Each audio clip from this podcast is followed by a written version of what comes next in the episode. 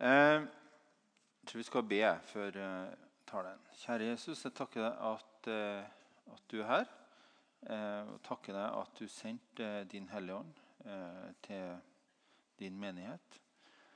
Jeg bare ber at du hjelper oss å forstå ditt ord, hjelper oss å tro ditt ord, og hjelper oss å leve ditt ord. Amen. Eh, I 2000, januar i år 2000 så reiste eh, jeg og familien min, eller Marita og og, og, de små, vi reiste til Bolivia som misjonærer. Eh, og da, da eh, la oss jo selvfølgelig språket, og så ble vi sendt til en by som heter Santa Cruz de la Sierra. Da eh, skulle vi eh, plante en ny menighet i den byen der. Eh, og så, så, langt vi vet, så var vi det eneste norske der. Eh, det betyr bl.a. at vi reiste 50 mil for å feire 17. mai sammen med andre norske. Og litt sånne andre ting. Eh, men en av de tingene eh, som vi gjorde, det var at vi begynte å lese i apostlenes gjerninger eh, på nytt. Eh, prøvde å ta bibelstudium på, på spansk. Eh, og du ser for deg Bibelen og ordboka liksom, eh, Det går seint. Roe ned bibellesningen. Eh, prøve å forstå hvert ord, prøve å forstå hver setning. Og Bare den måten å lese Guds ord på, eh, eller lese hva som helst, for så vidt, ja, men eh, det gir en du, du blir i det på en annen måte. Um, av og til når vi, når vi, leser Bibelen, i hvert fall jeg, sånn, så liksom, av og til så er det bare brrp, Og så Ja, nå har jeg gjort det i dag. Var det gjen, gjenkjennbart? Eh, men da også bare roen helt ned. altså liksom Bare tygg på hvert ord. på en måte. Så av og til slå opp igjen norsken når det sto helt fast. Eh, så gjorde at du oppdaga en verden. Eh, hvor det var en stor eh, forskjell på det livet som beskrives i apostlenes gjerninger, og eh, ens eget liv. Eh, apostlenes gjerninger beskriver jo hvordan disiplene til Jesus fikk Den hellige ånd, og hvordan de levde det livet etterpå. Hvordan det forandra verden. Eh, eh, og det skapte en mer eh, si, lengsel tørst, hunger, skapt en, et ønske eh, etter, etter, å få mer del av det. Samtidig så vi at en del av våre bolivianske venner eh, faktisk levde et liv som var mye mer autentisk. De hadde gjerne ikke så mye eh, ting. Eh, de hadde noe på innsida som hm. Og det var, ikke, det var ikke få heller som levde et liv som, eh, som var attraktivt, sett gjennom eh, apostlenes gjerninger. Jeg skal lese Johannes evangeliet, kapittel 7. Eh, og som sagt så er jo denne tida fra, fram til pinse så har vi satt av her i, i menigheten til å fokusere på Den hellige ånd. Eh, og det er jo så mange ting, eh, egentlig. Så det blir, det blir et utvalg eh, hver gang. Eh, men om men, eh, Johannes 7, 37 så står det eh, På den siste dagen i høytiden, den store festdagen, sto Jesus fram og ropte:" Den som tørster, skal komme til meg og drikke. Den som tror på meg, fra hans indre skal det, som Skriften sier, renne elver av levende vann. Dette sa han om ånden de som trodde på ham, skulle få. Ånden var ennå ikke kommet, for Jesus var ennå ikke blitt herliggjort. Dette er et løfte om at det er Jesus som gir Den hellige ånd. Det er bare hos Jesus du får Den hellige ånd. Og det er Jesus som æres når vi fylles med Den hellige ånd. Å ta imot Den hellige ånd det handler om at vi våger å tro på Bibelens løfter eh, om Den hellige ånd, slik at vi faktisk tar imot. Og sier Jesus ja takk. Eh, og For det andre så handler det om at vi er i ro hos Gud lenge nok til at Han forfylte oss. Og det Bildet her var ikke å fylle opp en tom kopp. Bildet, bildet er å få installert en brønn. Fra hans indre skal det være strømmer av levende vann. Altså Oppkommet er på innsida. Det er bildet som, som teksten tegner for oss. Så er det sånn at Den hellige ånd har vært et stridstema, og er det vel òg, blant kristne. Eh, på 1000-tallet husker ikke helt årstallet, men eh, dere som kan deres kirkehistorie, kan jo korrigere meg. Men eh, når Øst- og Vestkirka delte seg mellom den katolske og ortodokse, så tok de jo kirkesplittelse på spørsmålet om Den hellige ånd. Og Spørsmålet var om Den hellige ånds vesen utgår fra Faderen eller utgår fra Faderen og Sønnen. Og Du vil kanskje tenke at hmm, ja, Var det, var det liksom verdt å ta en kirkesplittelse på det? Spørsmålet. Eh, men vi vet at folk har diskutert det her før. Eh, og eh, i moderne tid så er det vel kanskje Den hellige ånds utbrudd i Asusa Street i 1906 altså kjølvannet av det som har generert mest, mest diskusjoner. Og det er interessant for det, Vi snakker om segregeringstida i USA.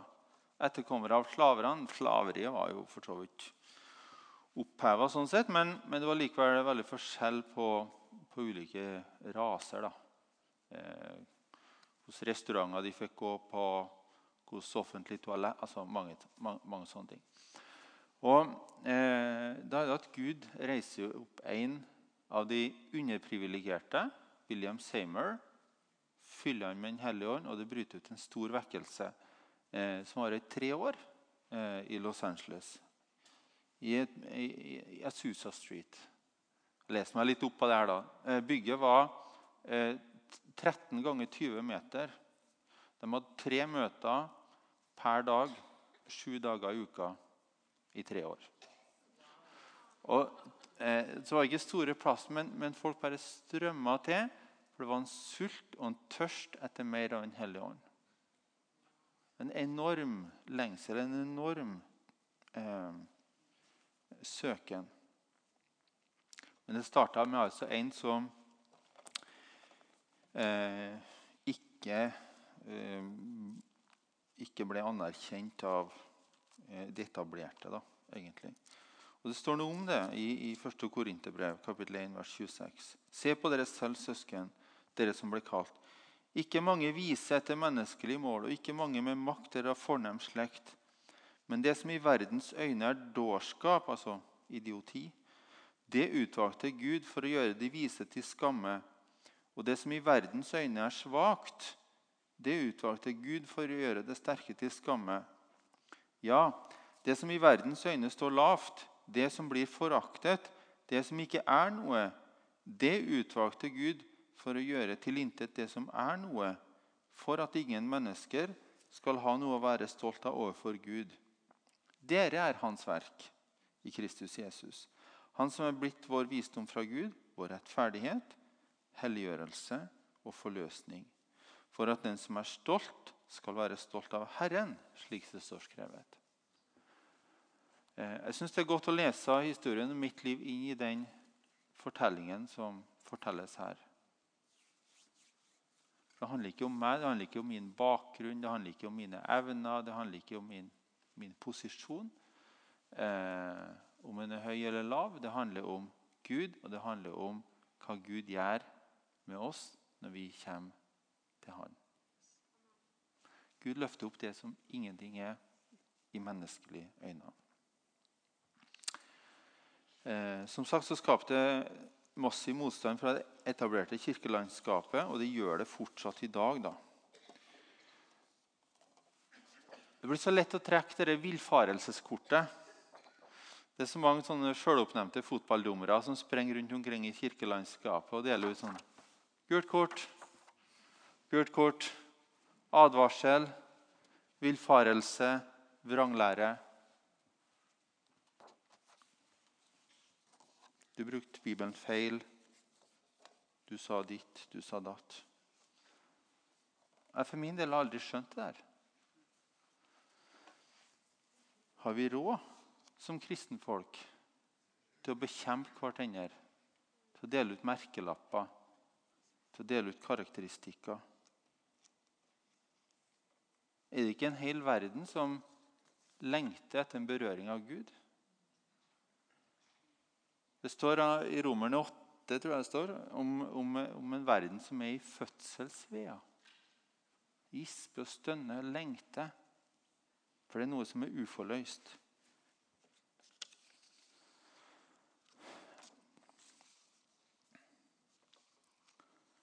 Jeg har heller aldri skjønt eh, at man kan bruke Guds ord til å kritisere andres erfaring med Den hellige ånd. Det har jeg aldri forstått. Eh, det kan gå på manifestasjoner, det kan gå på profetier, tungetaler og slike ting. Eh, og det er som å si at erfaringer som bekrefter Guds ord, skulle motsi Guds ord. Liksom. Jeg har aldri forstått det der. I Apostlenes gjerninger i 17 så står det om jødene i Berøa som hadde et edlere sinnelag enn de i Tessalonika. For når de hørte Paulus forkynne, så gikk de hjem og så granska de skriftene om det forholdt seg slik som Paulus sa. Eh, husker tilbake til juli 1994. Da, var i, da la seg engelsk. Jeg eh, var i eh, Brighton i eh, helt sør i England. En søndag var jeg på en gudstjeneste jeg tror det var i baptistkirke i Hove. Jeg vet ikke helt hvor Brighton slutter og Hove begynner, for det er liksom bare, det glir litt over. Eh, og så var det eh, forbønn på slutten av den gudstjenesten. Og eh, Pastoren han la hodet på ei dame som kom fram til forbønn. Og hun datt, hun datt pladask. Bare sånn brrr, rett bakover. Pastoren, som aldri hadde sett eller opplevd noe lignende før i hele sitt liv, skvatt liksom bare en sånn meter unna. Og liksom bare Hva skjedde? Jeg gjorde ingenting. Altså, hva var det som skjedde? Og, og, jeg skulle gå hjem og jeg skulle studere Skriften og liksom finne ut hva det var. for noen ting. Ja, ja, ja. Du finner, finner nok ut. Ehm, her velger jeg å gi et grønt kort. Hadde ikke noe sånn grønt ark, så jeg må liksom gjøre sånn. Det blir grønt kort. Gå hjem og gransk Skriften. Det blir grønt kort. ja. Um,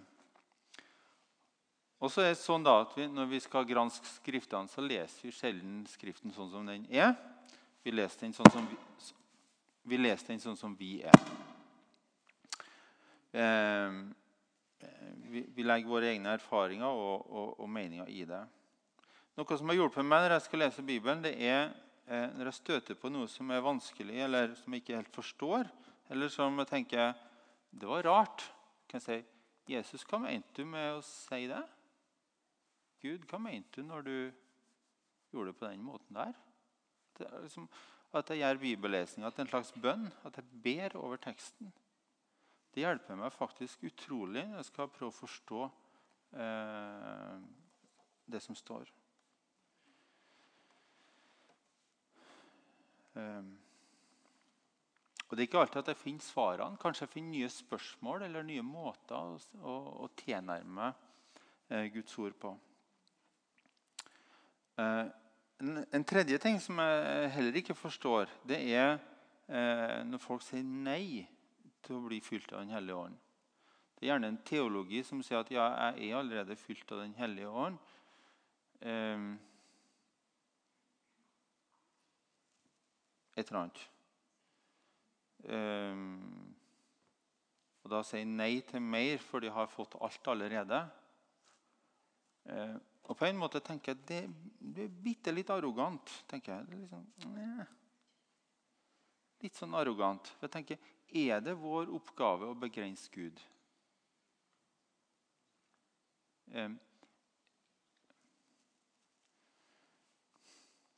Han sier 'søk meg' det er mange, mange ganger gjennom hele Bibelen. Eh, vet, har du noen gang prøvd å gi noen noen ting som, og de ikke ville ta imot? Du, du, har kanskje forberedt en gave, du har liksom lagt all din sjel inn i det der. Og så skal du gi det til noen, og så, og så betyr det ingenting for dem. Så jeg bare, nei. Da er det ikke bare gaven de avviser, men de avviser faktisk deg som giver. Når vi da sier nei til Gud, nei, jeg vil ikke ha mer av Den hellige ånd, da, da sier du til Gud jeg vet bedre enn deg. Jeg vet mer enn du. Det er ganske arrogant.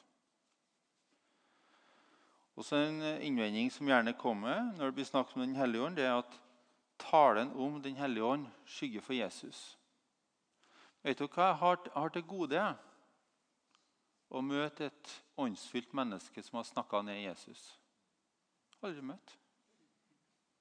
Aldri truffet i hele mitt liv. Jeg lurer på hvor den forestillingen kommer fra. For å være helt ærlig. Og, så kan du tenke deg da, treenigheten som en enhet med full harmoni, full kjærlighet. og sånn. Skulle liksom eh, eh Jesus og Faderen skulle de få dårlig, dårlig ikke samvittighet, men dårlig eh, sjølbilde av at Den hellige ånd fikk litt oppmerksomhet. Gud har jo ikke dårlig sjølbilde eller dårlig sjøltillit. Altså, altså, det er jo gjerne sånn eh, Vi oppfører oss kanskje hvis, hvis, noen får mye skryt og vi får ingenting. tenker vi, hva med meg? Men, eh, men, men Gud han er jo ikke trua av det.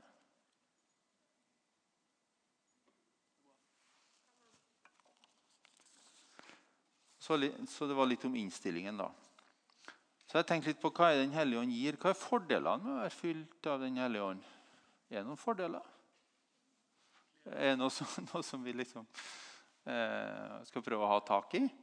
Eh, og Det er ingen ferdig liste jeg har, da, men, jeg, men jeg har noen ting som, eh, som, jeg har tenkt på her. Og Det ene er det med, med Guds nærvær. Den hellige ånds nærvær. Jeg har jo gjerne tenkt den tanken, i hvert fall, eh, i hvert fall når jeg leser evangeliene om Jesus, så har jeg tenkt den tanken at det har vært morsomt å være der. Det har vært kjekt å være der. Man bare kunne vært i båten når på, fikk den fiskefangsten. Og man kunne ha vært der når, når alle de tingene skjedde, som vi les, oss om. Og setter sett dere, Hva heter TV-programmet? De har så mange glupe folk. Hva heter det? På NRK? IQ? Nei, hva heter det? Når de har en biolog og en fysiker og en sosiolog. Big Bang heter det, ja. ja. Eh, Big Bang. Og så skulle, også En gang var det om tid og tidsreiser og tidsmaskiner og sånn, hvor de ville reise til. En. Og jeg tenkte jo det, jeg hadde jo villet reise tilbake hit, liksom hadde jo det. Jeg hadde jo ville, jeg tror faktisk jeg ville sett jeg tror jeg ville reist til, til påske påska Jesus ble korsfesta. Jeg tror faktisk jeg ville ha sett korsfestelsen og oppstandelsen. Hvis, hvis, jeg kunne, hvis, jeg kunne, reist i tida. Nå er jo det bare et tankeeksperiment. Altså det, det, det, er liksom ikke verdt noen ting. Men, det kosta ingenting heller, da. Men, men Johannes eh, eh, før, før, Jesus blir korsfestet, så sier han Johannes 16 her For sorg har fylt hjertet deres fordi jeg har sagt dere dette. Men jeg sier dere sannheten. Det er det beste for dere at jeg går bort. For dersom jeg ikke går bort, kommer ikke talsmannen til dere. Men går jeg bort, kan jeg sende ham til dere. Og når han kommer, skal han gå i rette med verden og vise dem hva synd er, hva rettferdighet er, og hva dom er. Synden er at de ikke tror på meg. Rettferdigheten er at jeg går til far, og dere ser meg ikke lenger. Dommen er at denne verdens fyrste er dømt. Da går jo vi fri. Ennå har jeg mye å si dere, men dere kan ikke bære det nå. Men når sannhetens ånd kommer, skal han veilede dere til hele sannheten. For han skal ikke tale ut fra seg selv, men si det han hører, og gjøre kjent for dere det som skal komme. Og Jeg velger å tro på Jesus. Jeg. Det er faktisk bedre å leve nå enn det var å leve da. Det er best at jeg går bort til Jesus. Hvis jeg ikke går bort, så kommer ikke Den hellige ånd. Men hvis jeg går bort, så kommer Den hellige ånd til dere. Så Jesus sier at å ha Den hellige ånds nærvær iblant dere er bedre enn å ha meg gående her. Det er vanskelig å tro, men Jesus sa det.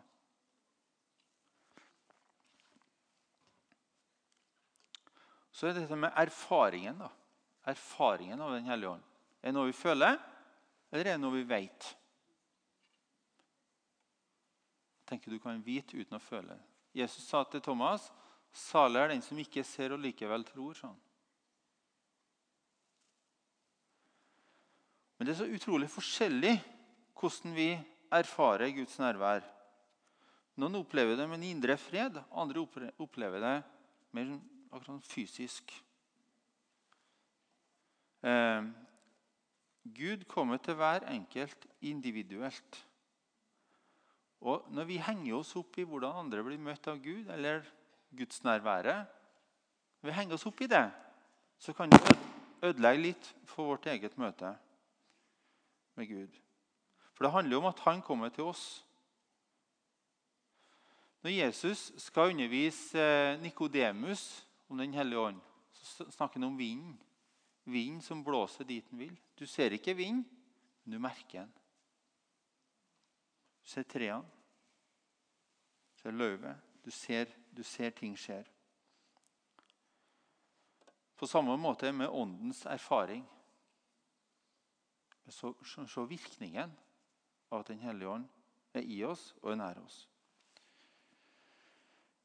Og jeg tror, eh, altså, Hvis det handler om følelser eh, Jeg er jo en introvert føler.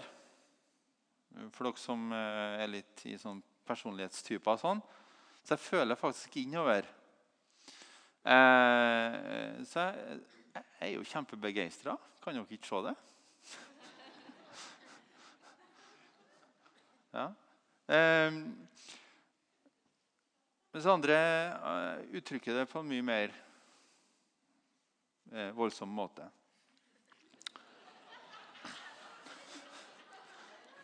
Dere ler, dere? Ja. ja. Jeg tror det, jeg tror det hele, handler om en litt sånn varhet. Eh, varhet for Guds nærvær. Eh, Gud, hva gjør du nå? Hvor blåser vinden hen, egentlig? Hvor eh, eh så at du elsker Guds nærvær. At du elsker Hans herlighet, at du elsker Hans ære. Og at der du går, så forløser du et gudsnærvær. Du går inn på McDonald's og forløser et gudsnærvær. Det er der du går. Eh, Moses han sa til Gud, 'Hvis ikke din, ditt ansikt går med meg, så vil jeg ikke gå', sier Moses. 2. Mosebok 33. Ansikt er nærværet. Hvis ikke du går, Gud, så går ikke. Hvis du går, så går jeg. Det andre som jeg har tenkt på, det er med det jeg kaller faktisk for en hellig sorg.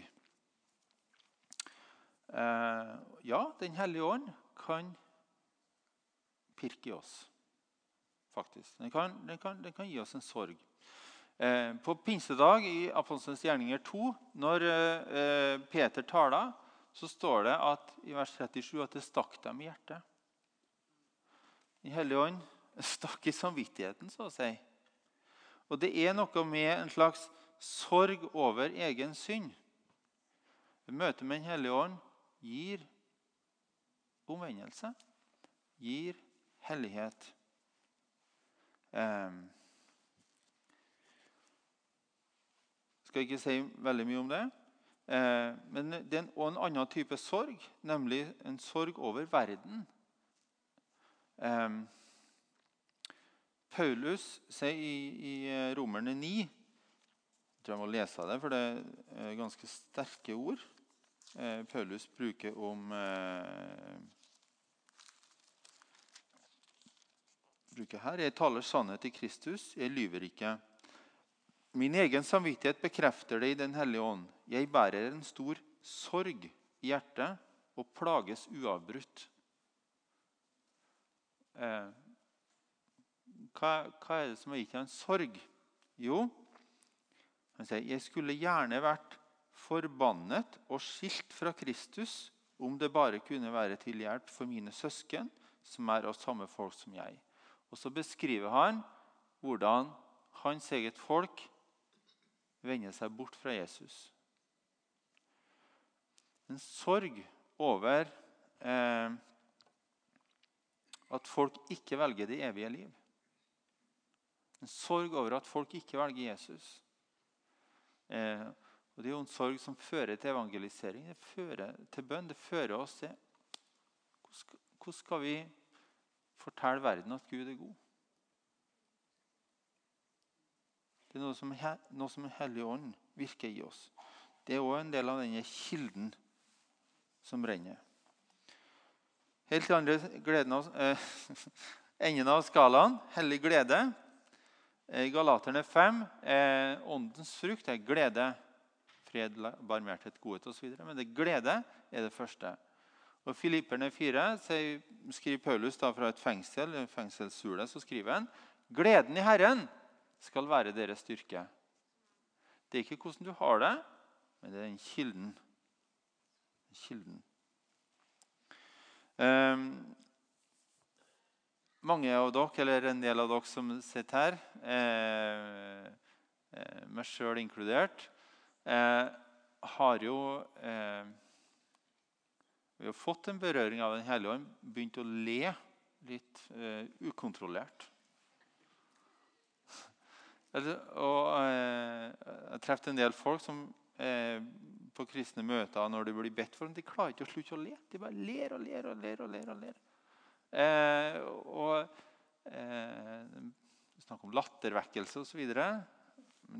På en måte er det en liten latterliggjøring på et vis. Men, men eh, det er en sånn utbrudd av glede. Eh, ikke altså Bare en glede over, over, å få være sammen med Gud. altså Bare bli fylt med en glede. Og tenke Gud er en glad Gud. Gud er i godt humør. Altså, eh, det er ikke noe mørke hos Gud. Det er ikke overskya. Gud har ikke en dårlig dag. Altså, det, det er glede. Og eh, en glede som gir takknemlighet. En glede som gjør at vi ikke så lett henger oss opp i småligheter, i detaljer, i de tingene vi irriterer oss over hos venner, kollegaer, og familie, men en glede som fyller på, liksom løfter oss opp derifra. Vil du bli glad? Vær sammen med Gud. Hellig appetitt. Appetitt. Eh, I skal vi se, Filipperne 13 så står det om eh, Gud det står om Gud i Bibelen. Det er Gud som er virksom i dere, så dere både vil og gjør det som er til Guds vilje. Eh, Gud skaper faktisk en ny vilje i oss. Han skaper en lyst, skaper en trang, skape en Ja. Det er ikke bare at at det er Guds lov eller bud på utsida, men det er faktisk en lyst på innsida. Eh, ene til å gjøre det som er rett, eh, altså ikke lyve osv. Men det andre er å, å gå på en tilskyndelse. Ble minnet om sånn. Jeg skulle gi eh, sånn til sånn. Jeg skulle oppmuntre. Kom et ord sånn og sånn. Jeg har faktisk lyst til å gå der. Eh, så, også, en, også en appetitt på det som er av Gud. Hans ord, Hans bønn, hans nærvær, fellesskapet. Så jeg kan si at etter, etter å bli fylt av Den hellige ånd så, så, har jeg en helt annen appetitt på, på Guds ord enn jeg hadde før. Åndsfylte mennesker eh, bruker mer tid fordi de, de har en søken. Og sulten er en, er en ressurs. Hellig åpenbaring er en annen ting. Den hellige ånd er en profetisk ånd. Å være fylt av Den hellige ånd, så forstår du Guds ord på måter som ingen har lært deg. Ehm, du forstår åndelige sannheter. Du ser sammenhenger som du ikke har hørt noen plass, for at du er veileda. Den hellige ånd som veileder til hele sannheten. Hellig kjærlighet i 1. Johannes 4,8 står det at den som ikke elsker, har aldri kjent Gud, for Gud er kjærlighet. Det står ikke at far er kjærlighet, eller sønnen er kjærlighet, men det står Gud er kjærlighet. Den hellige ånd er kjærlighet. Den hellige ånd er Gud. Han har ikke litt mindre kjærlighet enn Jesus. Han har evig kjærlighet.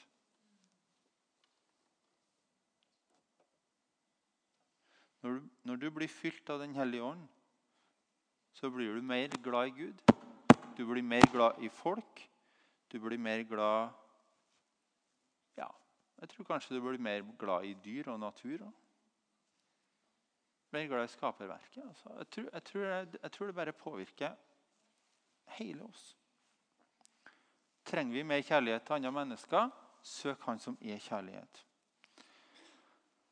Og det, og det, siste fordelen da, om du vil, med å være fylt av Den hellige ånd, som jeg skal ta i dag, det er som jeg kaller for hellig utholdenhet. Hellig utholdenhet. I Salme 126, 126,5 står det at den som sår med tårer, skal høste med fryderop. Ja, det er noe når du sår og sår og sår, når du står for at du gjør og gjør og gjør det som du kjenner du er kalt til det som du tror er rett, og så ser du kanskje ikke resultat. Men Den hellige ånd gir utholdenhet. En kristen tjeneste kan være et langdistanseløp. Det kan hende du ber for folk i egen familie, ber for barn som ikke viser tegn til å venne seg til Gud. Men du er kalt til et langt løp. Du er kalt til et langdistanseløp. Den hellige ånd gir utholdenhet i trengsel, i bønn, i tjeneste. For det fins en erfarbar virkelighet fylt, med et liv fylt av Den hellige ånd. Noen mener jo at det livet stoppa med apostlene. Det var, grunnen til at du leser om det apostlenes gjerninger, er at, at, det var de som var disipler av Jesus, og så stoppa jeg der, og så eh, og, og sånn. Det er noen som har laga en teologi på det. Men hva da med Stefanus, Philip og Ananias, som ikke var blant de tolv, men som likevel står helt tydelig og fylt med Den hellige ånd, og de gjorde ting? Jeg tror ikke noe på det der. Hva med misjonsbefalingen, eller disippelbefalingen, som jeg kaller den? At vi skal lære dem å holde alt de har befalt dere. En av de tingene Jesus befalte, var faktisk Ta imot Den hellige ånd. Eh, Johannes 20, 21. Ta imot Den hellige ånd. Eh, Løftet om Den hellige ånd gjelder alle kristne til alle steder og til alle tider. Og Derfor tenker jeg når vi skal begynne å lande dette flyet Det er noen ting det jeg kaller for default mode. Noe som vi alltid kan lande på og alltid komme tilbake på. Uansett hvor ned hen i en prosess. Det er aldri feil å lovprise og tilbe og beundre Gud. Både privat og offentlig, sånn som her. Grønt kort. Du har grønt kort til å alltid gjøre det. Det er aldri feil å be. Av og til så ber vi kanskje litt egoistisk. Eh, men det er litt sånn barnslig der. Jeg tenker at Jesu blod renser jo de bønnene.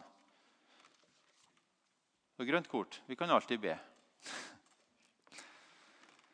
Eh, og det er aldri feil å be om å bli fylt med Guds ånd, faktisk. Guds ånd. Eh, Efeserne 5,18.: blir til stadighet fylt av Den hellige ånd. Grønt kort også der.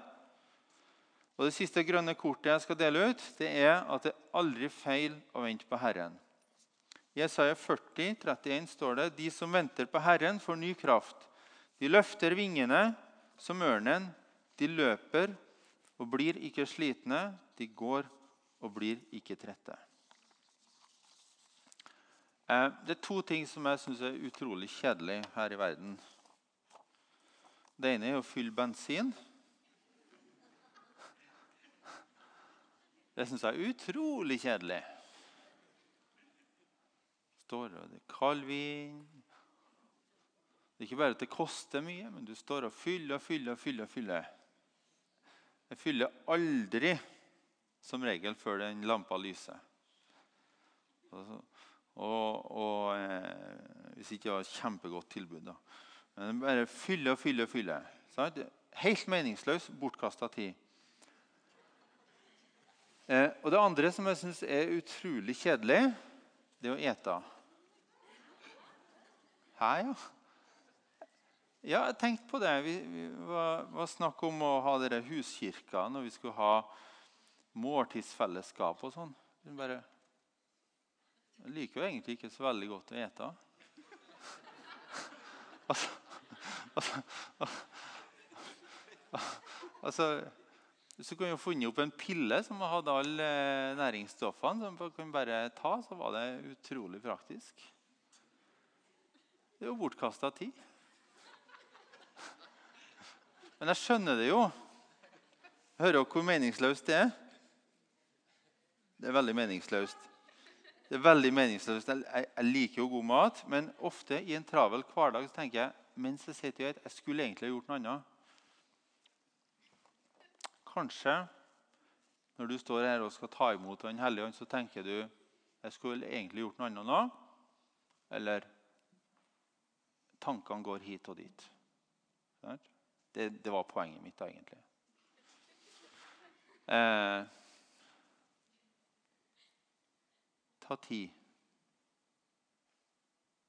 Jesus ber om tid til å fylle oss.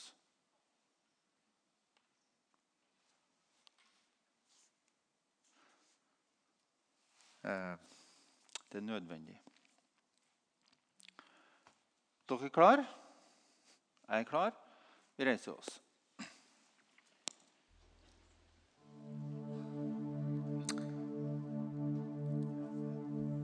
Jeg har lyst til å bare be en bønn over dere, og så, og så eh, har vi litt tid i lovsang. Eh, og så bare ta imot. Hvis det er ting her som du tenker at eh, Og jeg ønsker Jeg ønsker eh, å bli fylt av Den hellige ånd. Jeg ønsker eh, mer. Jeg ønsker å være i Guds nærvær. Jeg ønsker å bli fylt igjen. Eh, så mens du låssynger Husk det er aldri feil å be, det er aldri feil å lovprise. Det er aldri feil å be om å bli fylt av Den hellige ånd, og det er aldri feil å vente på Herren. Eh, og det rommet som eh, eh, Kanskje du har et rom i livet som du tenker at der har ikke jeg sluppet Den hellige ånd helt. Eller det har jeg holdt litt for meg sjøl. Kanskje bare si det til Jesus nå, at eh, jeg ønsker at du også fyller det rommet. Fyll hele huset, fyll hele meg. Herre Jesus, jeg takker at eh, eh, vi fikk Den hellige ånd bare ved å høre og tro. Takk at det var ingenting i oss sjøl. Det var ikke stamtavla vår, det var ikke bankboka vår, det var ikke eh, rullebladet vårt som gjorde at vi var verdige. Eh, men det, det, er du og ditt blod som har gjort oss verdige alle sammen. Takk at vi eh, sånn sett stiller likt, stiller på bar bakke. Um, og vi trenger din nåde. Vi trenger, din, vi trenger å bli fylt. Vi trenger kraft, Jesus. Uh, vi trenger ditt nærvær. Um, vi trenger din åpenbaring. Vi Vi trenger din utholdenhet. Uh, vi trenger at du går med. Vi ønsker å få løs, vi er et folk som ønsker å få løst ditt nærvær eh, på de plassene der vi er. På kontoret, på verkstedet, på, i trafikken, så ønsker vi å få løst ditt nærvær, Jesus. Eh, bare, bare kom over oss nå som folk eh, og som enkeltpersoner.